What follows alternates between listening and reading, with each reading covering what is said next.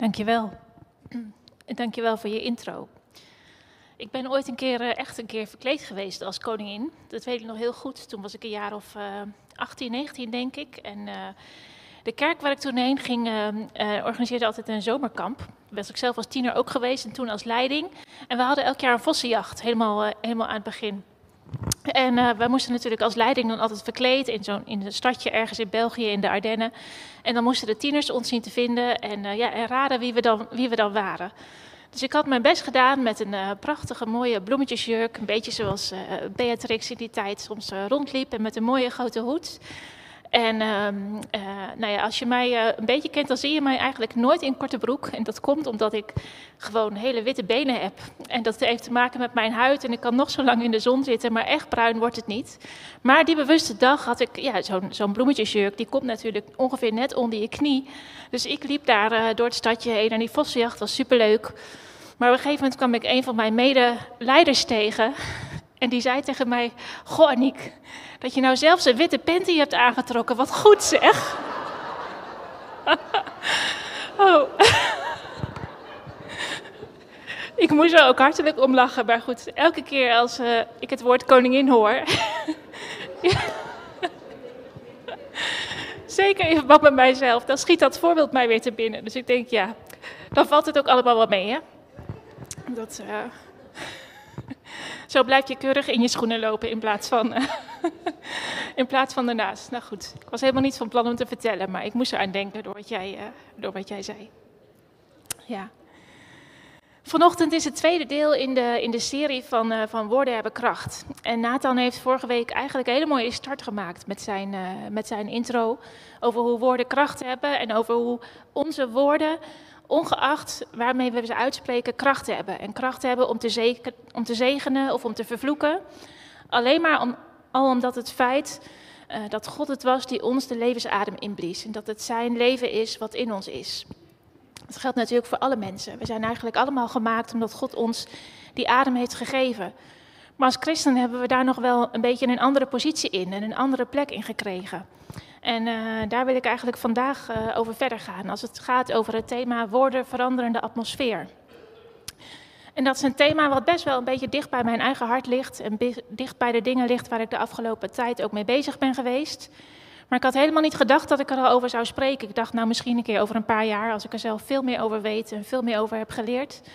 En toen uh, eigenlijk het mailtje kwam over uh, deze serie en Aniek, we moeten uh, voor jou denken aan dit thema, wil je dat doen? Toen dacht ik nou, Oké, dus je krijgt niet een volledig uitgewerkt, helemaal jarenlang doordacht verhaal. Mm-hmm. Maar jullie krijgen vanochtend mijn verhaal met een stukje wat ik vanochtend heb gekregen om, om uit te delen. En dus lees ook vooral zelf mee en toets vooral um, hoe je daar zelf in staat en hoe je daar zelf mee verder gaat.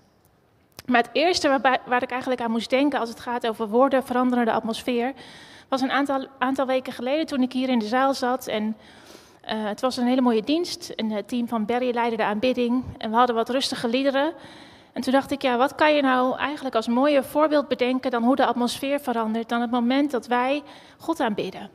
En dat wij onze woorden gebruiken en onze, onze muziek en alles gebruiken om God de lof en de eer te geven die hem toekomt. En God de woorden toe te zingen die bij hem horen en die bij hem passen. Dan verandert er iets in de atmosfeer. En dat kun je soms gewoon lijfelijk voelen met elkaar. En uh, ik dacht, het is het makkelijkste voorbeeld om uit, te, om uit te leggen hoe woorden en hoe als je met elkaar woorden uitspreekt, hoe dat de atmosfeer verandert. En Nathan zei vorige week ook iets over hoe belangrijk het is dat je soms je woorden hardop uitspreekt. En dan was het nog niet eens voor jezelf, dan is het ook voor de hele atmosfeer om ons heen, voor de geestelijke wereld om ons heen, om te, te horen wat je te zeggen hebt. En dat je gaat staan als, als dochter of als zoon van God in wie je bent. De duivel kan geen gedachten lezen. De gedachte en het hart is verborgen, alleen God doorziet alles. En de duivel kan je wel gedachten influisteren en kan je, kan je wel van alles influisteren en doen. En hij kent je patronen, hij ziet natuurlijk hoe je leeft en hoe je familie heeft geleefd, maar hij kan niet jouw gedachten lezen. Dus ook daarom, je kan bidden van binnen en dat is helemaal goed, want God hoort het wel. Maar soms is het zo krachtig en zo belangrijk om het hardop te doen. En hardop te zeggen wat je te zeggen hebt. Ik moest ook gelijk denken aan een voorbeeld uit de Bijbel. En ik ga niet zijn hele leven met jullie doornemen vanochtend, maar ik wil wel eventjes met jullie kijken. uh, naar het verhaal van koning Jozefat. En Jozefat, daar lezen we over in het Oude Testament, in twee kronieken. En als het gaat over aanbidding en de, de kracht wat dat vrijzet en hoe het de atmosfeer verandert, dan vind ik Jozefat een heel mooi voorbeeld. En Jozefat was een koning uh, van Israël en Juda, Juda. En was een koning die God probeerde te volgen. En hij deed niet alles goed, want er waren ook een heleboel dingen die misschien niet zo goed waren. Je kan over zijn leven lezen in de Bijbel. Maar in dit specifieke voorbeeld wordt, komen er drie vijandelijke volken op hem af, die hem willen aanvallen. En wat doet Jozefat dan? Jozefat gaat naar God toe om om hulp te vragen. Je kan het hele verhaal teruglezen in 2 Kronieken 20. En hij heeft daarvoor heel wat meegemaakt, maar in deze situatie besluit hij onmiddellijk om God uh, te hulp te roepen en God om raad te vragen. En hij roept het hele volk op om te vasten en te bidden. En dan komen ze bij elkaar bij het heiligdom van God. En dan zegt Jozefat hardop, ik lees even een vers uit vers 6. Hij bidt en hij zegt, Heer, God van onze voorouders, u bent God in de hemel en u heerst over de koninkrijken van alle volken. In uw hand liggen macht en kracht besloten. Niemand kan zich tegen u verzetten. En zo gaat hij dan nog even verder. En eigenlijk herinnert hij God aan de belofte die hij had gedaan dat wanneer het volk God om hulp zou vragen en bij hem zou komen, dat God ook zou helpen. En in vers 12, aan het eind van zijn gebed, dan, dan vraagt hij ook, God straft u hen dan af, die vijandige volken. Want wij zijn niet opgewassen tegen de grote legermacht die ons nu aanvalt. We weten niet wat we moeten doen. Op u zijn onze ogen gevestigd. ik vond het eigenlijk mooi, zo eenvoudig. Heer, wij weten het niet, maar u bent onze God. U bent degene die alle macht en alle kracht heeft. En op u is onze, zijn onze ogen gevestigd om te helpen. Nou, een van de aanwezigen wordt ter plekke gegrepen door de geest van God. En dan staat er in vers 15: Juda en Jeruzalem en u, koning Jozefat, luister goed. Dit zegt de Heer. Laat je door de grote legermacht die jullie bedreigt geen angst aanjagen. Want dit is niet jullie strijd, maar het is de strijd van God. Nou, en dan gebeurt er de volgende dag ook iets heel bijzonders. Het betekent niet dat Jozefat helemaal niks hoeft te doen. Betekent niet dat hij niet alsnog met, zijn, met, zijn, met zijn leger en met zijn volk naar buiten gaat trekken en erop uitgaat om te kijken en om, om te gaan vechten.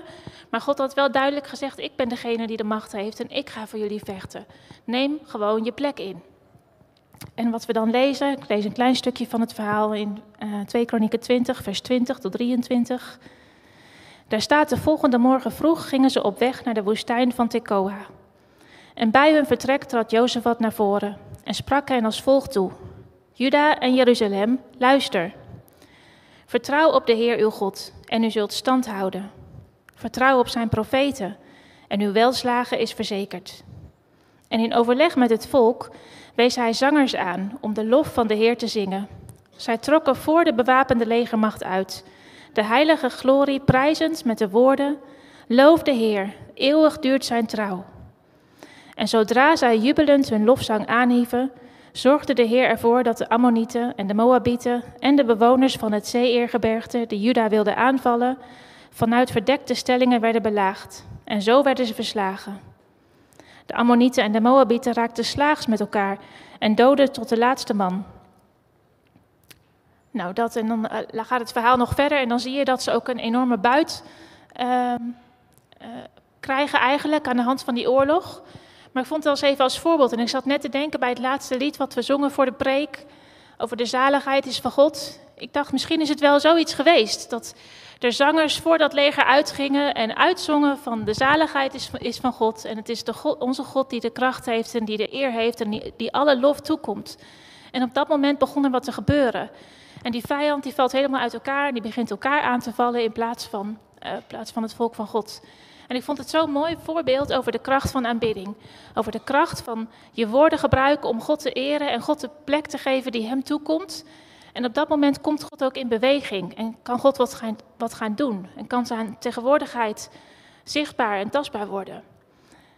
En het is een voorbeeld wat een heel, heel praktisch, er gewoon een zichtbare vijand is die op, je, op hen afkwam en die ze op het punt stond om ze aan te vallen. Dus het is ook een heel zichtbaar voorbeeld. En bij, in onze tijd ziet dat er misschien soms wat anders uit. Tenzij je kijkt naar Rusland en Oekraïne, waar we het vanochtend hebben over gehad. de situatie in de wereld. Maar wij hebben allemaal te maken met een onzichtbare vijand die ook op ons afkomt en waar we tegen te strijden hebben. En soms voelt het bijna alsof we soms strijd voeren met elkaar, in plaats van met het plaatje wat erachter zit. En daar wil ik even met jullie naar kijken. Want ook wij hebben een gevecht te voeren. En dan kom ik natuurlijk uit in Efeze. Paulus schrijft er van alles over. Maar hij beschrijft ook over het gevecht wat wij te voeren hebben met elkaar. Efeze 6, vers 10 tot 13 lees ik graag met jullie. Ten slotte, zoek uw kracht in de Heer, in de kracht van zijn macht. Het zijn dezelfde woorden die Jozef had gebruikte. Alle kracht en alle macht is bij God. En hier zegt Paulus, zoek uw sterkte in de Heer, in de kracht van zijn macht. Trek de wapenrusting van God aan, om stand te kunnen houden tegen de listen van de duivel. Onze strijd is niet gericht tegen mensen, maar tegen hemelse vorsten, tegen de heersers en de machthebbers van de duisternis, tegen de kwade geesten in de hemelsferen. Neem daarom de wapens van God op, om weerstand te kunnen bieden op de dag van het kwaad en om goed voorbereid stand te kunnen houden. We hebben het hier niet zo vaak over. In ieder geval de laatste jaren dat ik deel ben van deze gemeente, hebben we niet zo heel vaak over dit onderwerp gesproken. En tegelijkertijd geloof ik dat het misschien wel meer actueel is dan ooit. Dat ook wij een strijd te voeren hebben die niet tegen elkaar is, maar die tegen de geestelijke machten en krachten is in de hemelse gewesten. En we hebben daar een heel aantal wapens voor gekregen. En het mooie vind ik, want ook hier geldt, Jezus heeft de overwinning al behaald. En daarom hebben we bijna allemaal verdedigingswapens gekregen als je de wapenrusting verder leest. Het enige wapen wat je ook als aanvalswapen kan gebruiken is het zwaard. En het zwaard stond symbool voor het woord van God.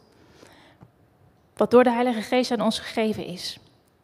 En er staat dat we moeten bidden zonder ophouden. En dat we ons ook daarbij moeten laten leiden door de Heilige Geest. Dus ook daar hebben wij onze woorden gekregen als een wapen in de geestelijke oorlogvoering. En als een wapen om onze positie in te nemen. Maar voordat je dan begint aan die oorlog en voordat je begint met je plek in te nemen, is het wel heel belangrijk dat je weet wat je uitgangspositie is en wat de plek is die je hebt gekregen in het speelveld. Wat de plek is die je hebt gekregen van God in deze wereld, wat de identiteit is die Hij aan je heeft gegeven. En we hebben het eigenlijk de hele dienst al over gehad, over hoe de Heer Jezus alles gegeven heeft om de weg naar ons toe vrij te maken. Om te zorgen dat wij dicht bij de Vader kunnen zijn en dicht bij Hem kunnen leven. En ik wil zo meteen iets zeggen over hoe het dan praktisch gaat en over hoe je de praktische invulling aan kan geven. Maar eerst maar eventjes over die uitgangspositie. Want ik vind het belangrijk om ook daar even stil bij te staan. Omdat als je niet van daaruit begint, dan begin je misschien wel helemaal niet. En dan ga je misschien wel helemaal niet staan. Ik wil met jullie een aantal teksten lezen, allemaal van Paulus, want Paulus heeft het hier veel over. En het zijn teksten waar je over allemaal misschien wel een heel verhaal zou kunnen vertellen. Maar het zijn ook teksten die je op je koelkast kan plakken of in je dagboek kan schrijven om ze even goed te onthouden. En daarom wil ik ze vandaag vooral even lezen om die basis even met jullie te leggen. Want ik kan het wel zeggen, maar laat ik nou gewoon het woord van God spreken, want die zegt het veel krachtiger. En de eerste is uit Colossense 1, vers 13 en vers 14. Want hij, dat gaat over Jezus, heeft ons gered uit de macht van de duisternis en hij heeft ons overgebracht naar het rijk van zijn geliefde zoon, die ons de verlossing heeft gebracht, de vergeving van onze zonden. Dus we zijn overgebracht uit het rijk van de duisternis naar het rijk van de Heer Jezus Christus. We leven in zijn koninkrijk. Colossense 2 dan, vers 9 tot 10 en vers 13 tot 15. Want in hem is heel de goddelijke volheid lichamelijk aanwezig. En in uw eenheid met Hem, het hoofd van alle machten en krachten, bent u van die volheid vervuld. En vers 12, toen u gedood bent, bent u immers met Hem begraven. En met Hem bent u ook tot leven gewekt, doordat u gelooft in de kracht van de God die Hem uit de dood heeft opgewekt. Want God heeft u samen met Christus levend gemaakt, toen Hij ons al onze zonden kwijtschold. Hij heeft het document met voorschriften waarin wij werden aangeklaagd, nietig verklaard en het weggedaan door het aan het kruis te nagelen. Hij heeft zich ontdaan van de machten en krachten. Hij heeft hen openlijk te schande gemaakt en in Christus over hen getriomfeerd. Dat is de uitgangspositie. Dat is wat Jezus heeft gedaan en het werk wat Jezus heeft volbracht. En het is ook onze uitgangspositie. En daar lezen we verder over in Efeze hoofdstuk 1, Vers 13 en 14. Want in hem bent ook u, toen u de boodschap van de waarheid hoorde, het evangelie van uw redding. In hem bent u, toen u tot geloof kwam, gemerkt met het stempel van de Heilige Geest, die ons beloofd is als voorschot op onze erfenis. Opdat alle die hij zich verworven heeft, verlost zullen worden, tot eer van Gods grootheid. En vers 18 tot 22. Mogen uw hart verlicht worden, zodat u zult zien waarop u hopen mag, nu hij u geroepen heeft. Hoe rijk de luister is van de erfenis die de heiligen van hem ontvangen. En hoe overweldigend groot de krachtige werking is van Gods macht voor ons die geloven.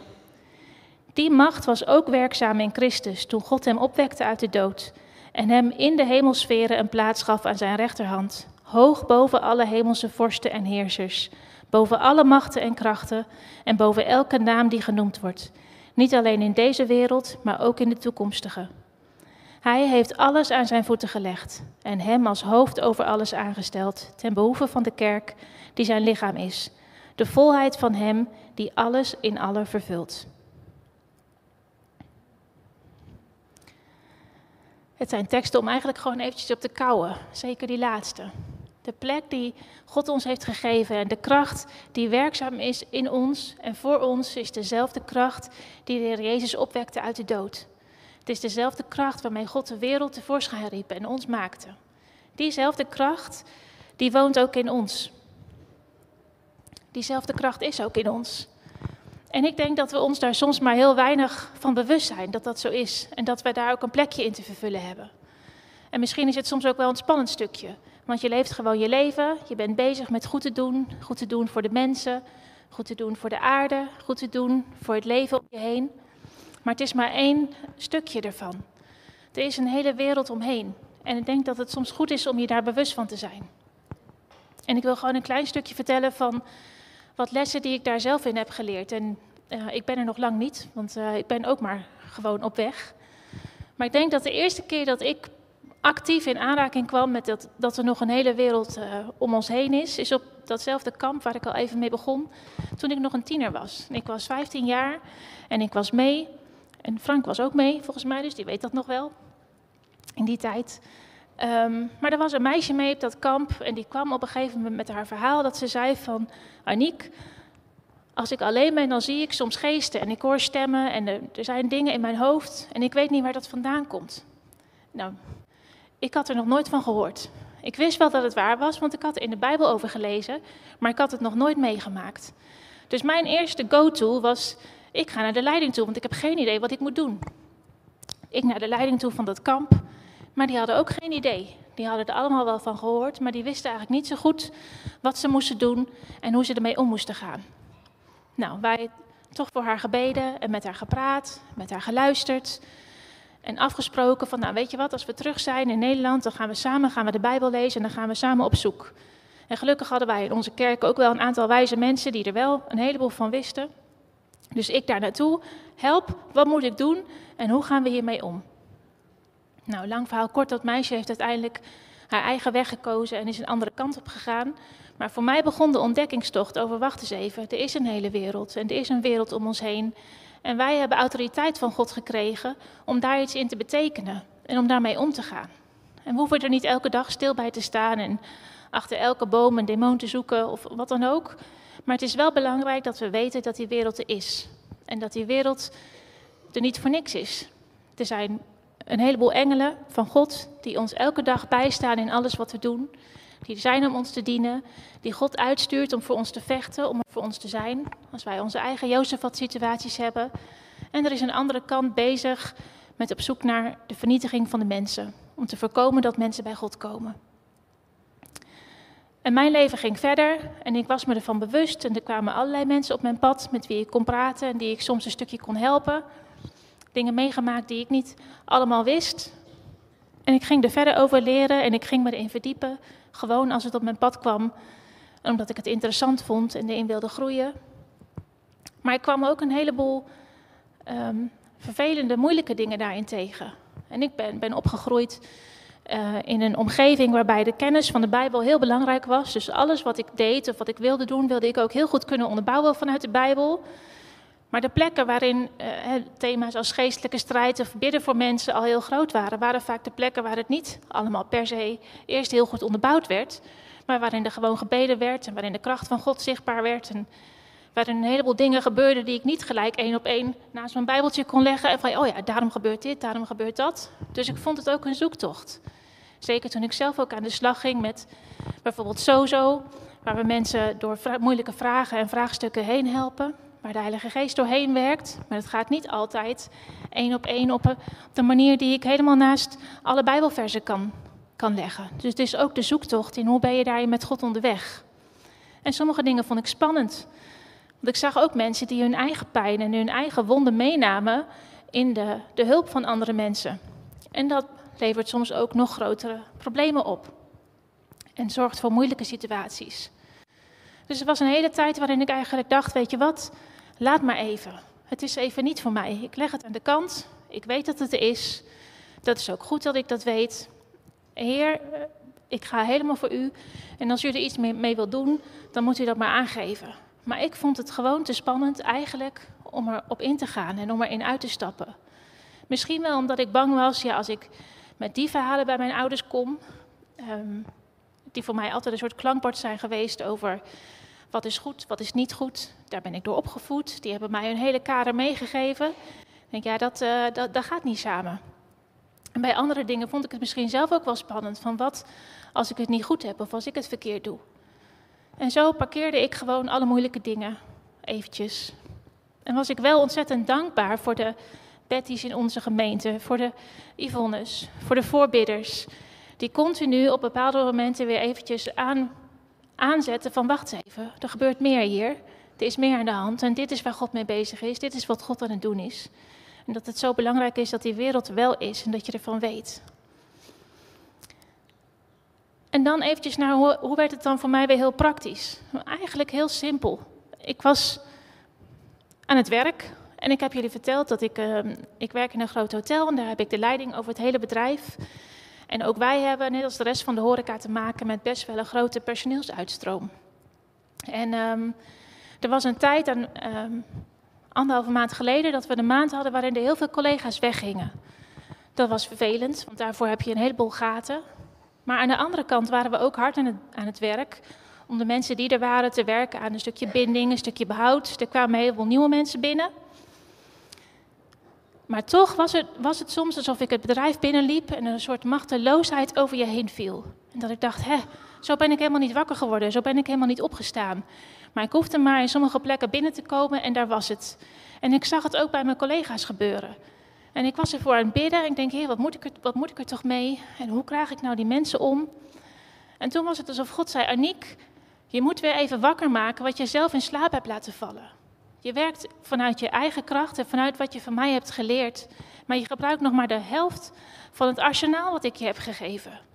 Word nou wakker voor wat ik je had geleerd over de geestelijke wereld en over wat er speelde. En dat was een eye-opener en ik ben er met wat mensen over gaan praten. En uh, toen dacht ik, oké, als, als dit is hoe het is, dan moet God mij ook maar hier doorheen helpen. En ik ben teruggegaan naar het werk. En het moment dat ik kwam op zo'n plek en dat ik die machteloosheid binnen voelde komen, heb ik eigenlijk heel simpel gedaan door te zeggen: Machteloosheid, ik zie dat je er bent, maar ik weiger met je samen te werken en ik stuur je terug naar waar je vandaan kwam, in Jezus' naam. En ik zei het hardop, maar soms fluisterde ik het alleen maar omdat de andere mensen ook waren. En ik ja, dat is een beetje gek met al je collega's die nog niks van God weten of niet zoveel. Maar er gebeurde iets en het begon te veranderen. En vanaf dat moment ben ik eigenlijk weer wat ik had geparkeerd, zo lang, uh, opnieuw op gaan pakken.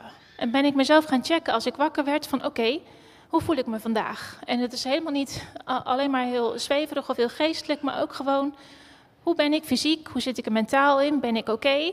Zodat ik weet dat als ik op de dag ergens binnenloop en er gebeurt zoiets of het overvalt je, dat je er wat mee kan doen. Dat je dat wat er is aan kan spreken en dat het weg kan gaan. Want even, dat is wel ook mijn bedrijf.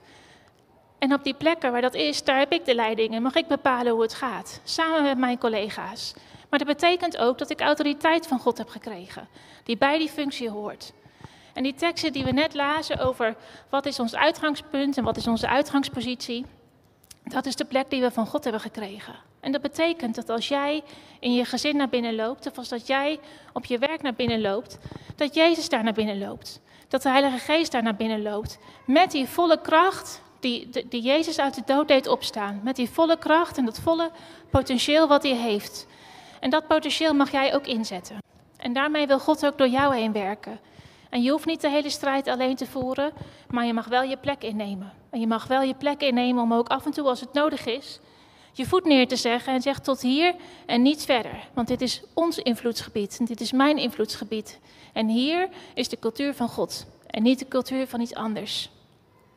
En zelfs in mijn geval kun je je collega's erop alert maken. Ik begon collega's bij wie ik hetzelfde zag gebeuren, die eigenlijk van nature heel positief ingesteld zijn en soms de onderkomen. Ben ik met ze gaan praten en zeg: Heb je nou door wat er gebeurt? Zo ben je toch vanochtend niet opgestaan. En soms wat hier hangt in de ruimte hoef je niet over te nemen.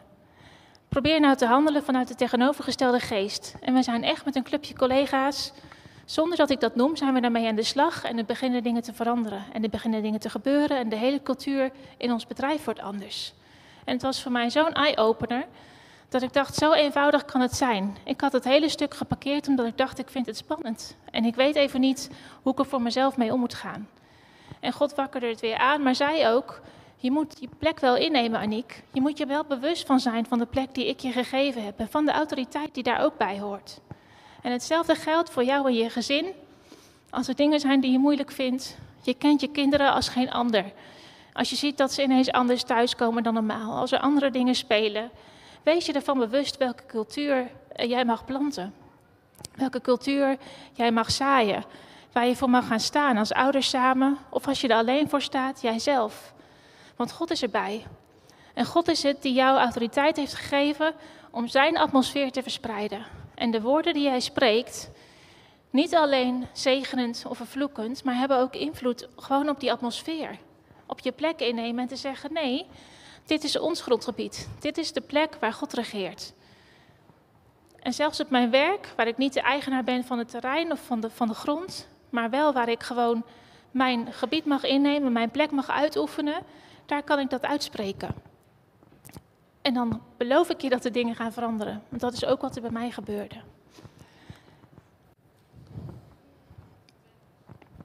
En eigenlijk is dat ook gewoon de boodschap van vanochtend en de uitnodiging die ik bij jullie neer wil leggen.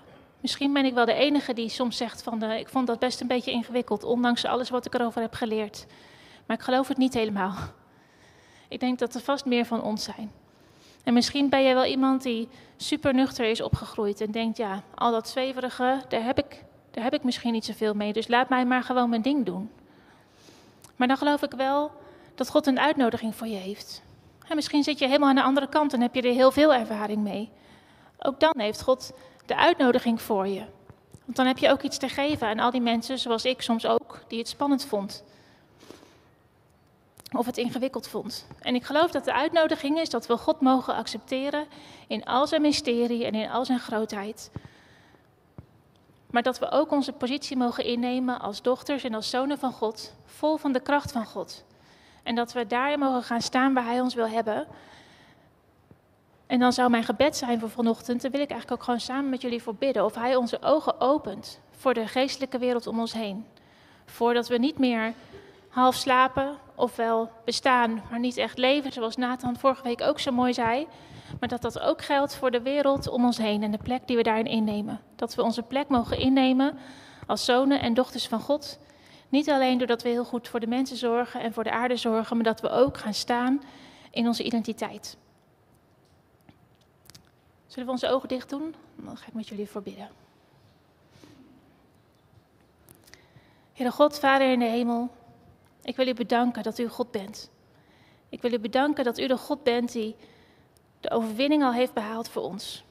Dat u openlijk hebt getriomfeerd over alle machten en krachten. Heer, en zeker in de wereld van vandaag is, hebben we dat allemaal nodig om het te onthouden. Maar ik wil u ook bedanken dat u ervoor koos om door mensen zoals wij hier allemaal bij elkaar zitten heen te werken. Dat u ons uitkoos om uw kinderen te zijn.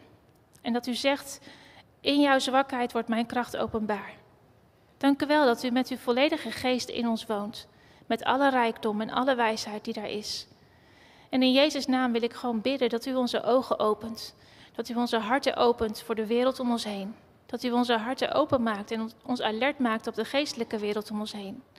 Heer, leer ons hoe we onze plek en onze autoriteit en onze positie mogen innemen in ons gezin, op de scholen waar we werken, in de bedrijven waar we werken, zodat uw cultuur en uw koninkrijk stukje bij beetje meer zichtbaar mag worden daar.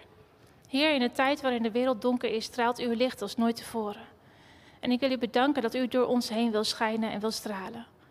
En op dit moment bid ik dat u gewoon hoofd voor hoofd ieder mens in deze zaal aanraakt met uw liefde en met uw vuur. Heer, dat u de verborgen schatten die verstopt liggen weer opnieuw wakker maakt en weer opnieuw tevoorschijn roept. Heer, we roepen uw leven en uw licht tevoorschijn in ieder van ons. En ik wil u bedanken dat u ons hebt uitgekozen om uit te gaan en uw licht en uw koninkrijk te verspreiden. In Jezus' naam. Amen.